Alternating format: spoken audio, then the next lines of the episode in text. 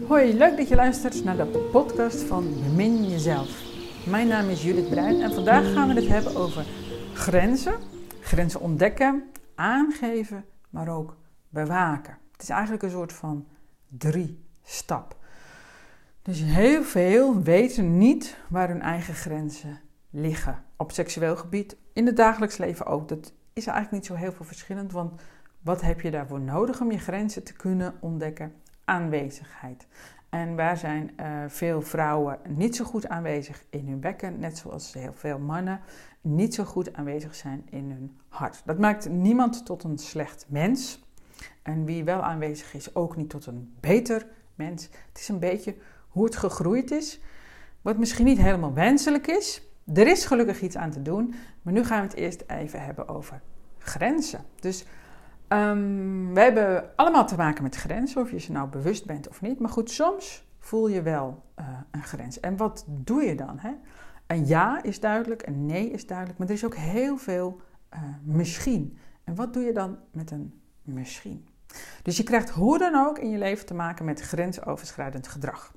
Iemand rijdt nog even snel door rood bijvoorbeeld. Uh, iemand drinkt voor bij de rij in de kassa. Um, je ruimt toch weer die rommel op van die ander, eh, want je wilt het leefbaar houden. En dit is allemaal een soort van grensoverschrijdend gedrag in je dagelijk, uh, dagelijks leven. En deze grenzen die zijn ook duidelijk voelbaar, uh, want je voelt irritatie als ze zijn overschreden. En dan zijn er natuurlijk ook grenzen die beslist niet overschreden mogen worden. Hè? Dus grenzen waarbij je zo'n angst voelt opkomen dat je terecht alles doet wat in je macht ligt om te voorkomen dat ze overschreden worden. Dus je wilt bijvoorbeeld niet overreden worden door een vrachtwagen, je wilt geen mes in je buik en je wilt ook niet met je vinger in de hakselaar. Uh, dus dan is het een heel duidelijke nee. Als je iets wel wilt, dan is het een heel duidelijke ja. Uh, maar hoe heb je die ja nou eigenlijk ontdekt? Hè? Hoe ontdek je nou dat het een ja is of een nee? Um, heb je dan bijvoorbeeld misschien grenzen opgezocht? Um, nou heb jij waarschijnlijk, net als elk ander mens, behoefte aan vrijheid, aan uh, autonomie, aan authenticiteit. Dus aan de ene kant zijn er duidelijke grenzen, aan de andere kant wil je niet begrensd worden. En als tweejarige heb jij waarschijnlijk dus ook heel hard zelf doen geroepen. zelf doen! Dus jij wilt net als elk ander mens dingen op je eigen manier kunnen doen. Je wilt ontdekken. En uh, onbegrensd, dat klinkt natuurlijk leuk en lekker, maar is dus ook heel gemakkelijk grensoverschrijdend. Zeker als je samenkomt met iemand en als je je eigen grenzen dan nooit echt ontdekt hebt. En ze dus ook niet waarneemt en ze dus ook niet aan kan geven. En dan kan het zijn dat het ineens allemaal niet zo leuk en lekker meer is. Nou, moet je jezelf dan onderdrukken? Nee, onderdrukken heeft nog nooit gewerkt. Dus net zoiets, net zo min als iets uitleven. Dus onderdrukking en vet onbegrensd leven is allebei nogal uh, destructief. Dus wat wel werkt, is jezelf vrijwillig begrenzen. Want dat is een constructieve kracht in jezelf. Um, dat betekent dat je jezelf uh, als uitgangspunt neemt. Jouw lichaam is jouw ankerpunt en van daaruit bepaal je grenzen. Dit betekent niet dat je grenzen altijd even duidelijk zijn. Dus grenzen veranderen soms of die groeien met je mee. En heel simpel is natuurlijk, hè, eerst zit je bij je moeder in je buik. Nou, dan is die buik is een grens. Daar kom je niet voorbij. Dan word je geboren en dan zit je in de box misschien wel. Dan is de box de grens. Dan komt er een tuin met een hekje. Um, op een gegeven moment mag je wel alleen naar school fietsen, maar nog niet alleen naar het zwembad. Ik zeg maar wat. Uh, dus grenzen zijn flexibel en die kunnen zelfs opgerekt worden. Sommige grenzen natuurlijk niet. Um, dus je wilt nooit overreden worden waarschijnlijk. Dus die grens ga je niet opzoeken, hoop ik. Uh, en maar bepaalde grenzen die zijn dan weer de moeite van het onderzoeken waard. Want soms is het zo dat juist als je over grenzen heen gaat, dan ontstaat er iets magisch. Maar dat kan natuurlijk niet zomaar. Um, je kunt niet zomaar even over grenzen uh, heen gaan om te kijken of er iets magisch ontstaat. Want als het een echte, vette, dikke nee-grens is, uh, dan ontstaat er niet iets magisch, dan ontstaat er beschadiging. Daar kom ik zo op terug. Dus even een ander voorbeeldje. Stel dat je de grenzen van je orgastisch vermogen zou oprekken. Dan weet je zeker dat je iets gaat voelen wat je nog nooit hebt gevoeld. En um, je weet bijna zeker dat het je een lekker gevoel geeft en dat je erdoor groeit. Maar ga je nou een grens over door iets tegen je zin te doen, dan breng je jezelf in de problemen. Behalve als als het een grens is die met een overtuiging heeft te maken die je zelf nog niet, heeft, die je zelf nog niet hebt onderzocht. Dus stel je hebt uh, bijvoorbeeld geleerd dat je aardappels moet je altijd schillen voordat je ze kookt. Je weet niet beter. Heb je je moeder altijd zien doen of je vader en jij doet het ook zo. En dan kom je ergens en dan krijg je ongeschilde aardappels te eten. En dat vind je eigenlijk heel lekker. En dan wil je dat zelf misschien ook wel een keer uitproberen. En uh, nou, niet meteen bij het kerstdiner als je twaalf mensen verwacht, want je weet nog niet helemaal zeker hoe het uitpakt. Hè? Het is iets nieuws. Uh, je bent grenzen aan het ontdekken. En dit is met een heel onschuldig voorbeeldje. Uh, maar dat doe je even gewoon voor jezelf. En dan moet je zelf even uitdokteren hoe lang ze nou precies gekookt moeten worden, met hoeveel zout erbij en zo. En dan kun je aanwezig blijven bij dat wat je aan het ontdekken bent. En het klinkt natuurlijk heel simpel. Uh, en, en dat is het ook. Uh, en op het gebied van seksualiteit, zeker hè, als je dat met een ander doet, dan wordt het allemaal wat ingewikkelder. En um, je hoeft natuurlijk niet je grenzen te ontdekken en op te rekken. Hè? Je mag het ook houden zoals het nu is. En tegelijkertijd snakken we allemaal naar een beetje magie in het leven. Nou, en het magie ontstaat dus als je in alle veiligheid kunt ontdekken. Dus een beetje net als vroeger. Niet met seksualiteit, maar ook weer in het algemeen. Toen je in het bijzijn van een ouder, dus in alle veiligheid, kon ontdekken wat je wel en niet uh, mag, waar je wel en niet aan toe bent, wat je wel en niet lekker vindt, waar je je vingers aan brandt en waar niet.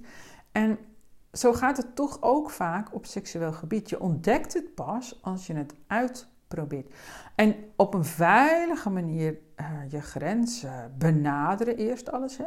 En dan voelen, hé, hey, dit is een grens. En dan voelen, is dit een echte grens?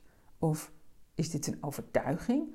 Of is dit een pijnpunt door iets wat ik al eerder meegemaakt heb? En je hoort het al aan mijn stem. Daar moet je voor vertragen. Je kunt niet met een noodgang op een grens afrennen, beoordelen of het echt een grens is of niet en of je er overheen wil of niet.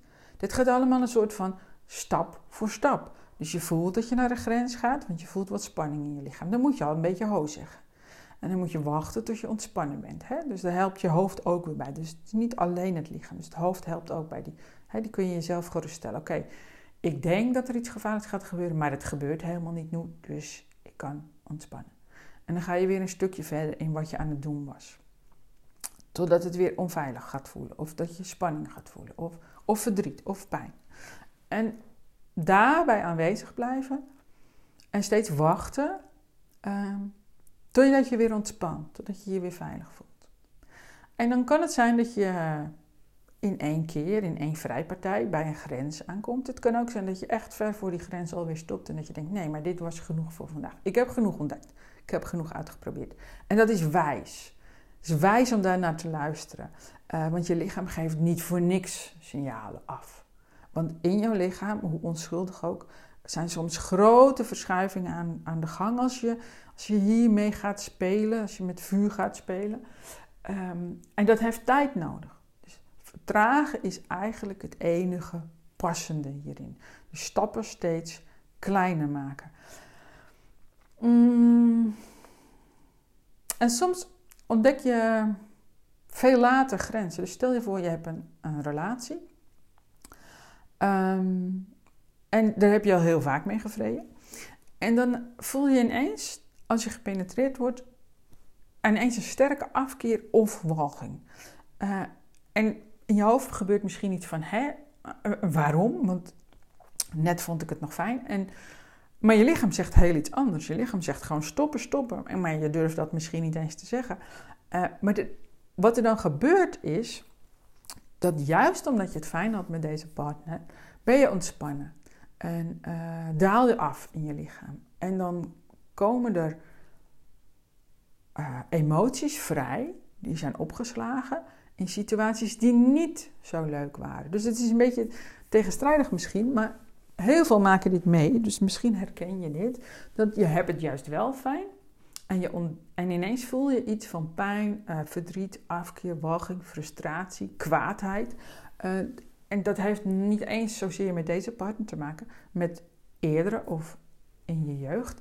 Maar je lichaam onthoudt alles. Het is aan de ene kant geweldig. En uh, zodra er dus een gelegenheid voorbij komt om opgeslagen emoties te ventileren, te transformeren, maak er daar uh, gebruik van. En dan is het ook weer de kunst om erbij te blijven. Dus om je grens aan te geven. Dus niet denken van, hè, dit is raar van mezelf, laat ik maar gewoon doorgaan, want we zijn eraan begonnen, dus nu moet het afgemaakt worden. Nee, dan zeg je, ho, stop, stop, ik voel iets, ik vind het niet fijn meer, ik heb tijd nodig, kunnen we vertragen? Uh, en hetzelfde gebeurt uh, bijvoorbeeld bij bevallingen. Sommige vrouwen worden getoucheerd tijdens de bevalling en dat voelt als een verkrachting. Of uh, je krijgt een eendebek in je vagina en uh, die pijn, schaamte, verwarring komt ineens omhoog als je seksueel actief bent. En dus herinnering aan, aan, aan, grensoverschrijding, aan grensoverschrijdend gedrag, aan seksueel grensoverschrijdend gedrag met een ander, kan ineens met je huidige partner opkomen. Dus het is logisch dat je dan een nee voelt. En je hebt ook altijd het recht om het bij die nee te houden. En alleen als je dat zelf wilt, ga je je eigen grenzen onderzoeken. Dus je hebt een duidelijke grens gevoeld. Grenzen moet je altijd aangeven, vind ik. Uh, en, maar je hoeft, ze, je niet altijd te houden, zeg maar. Je, mag kiezen om ze te onderzoeken. Um, zelf kun je die grenzen onderzoeken. En natuurlijk ook met een partner die je 100% vertrouwt.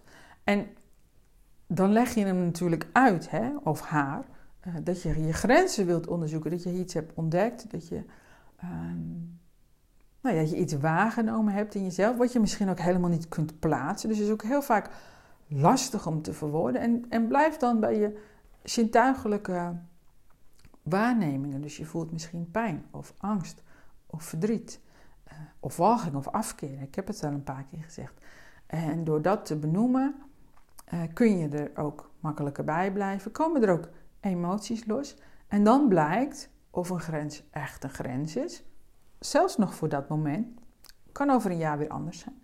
Of dat je heel rustig een stapje verder wilt. En dan kun je weer dezelfde pijn, verdriet opborrelen. Een beetje diepere laag. En dan blijf je dan weer bij.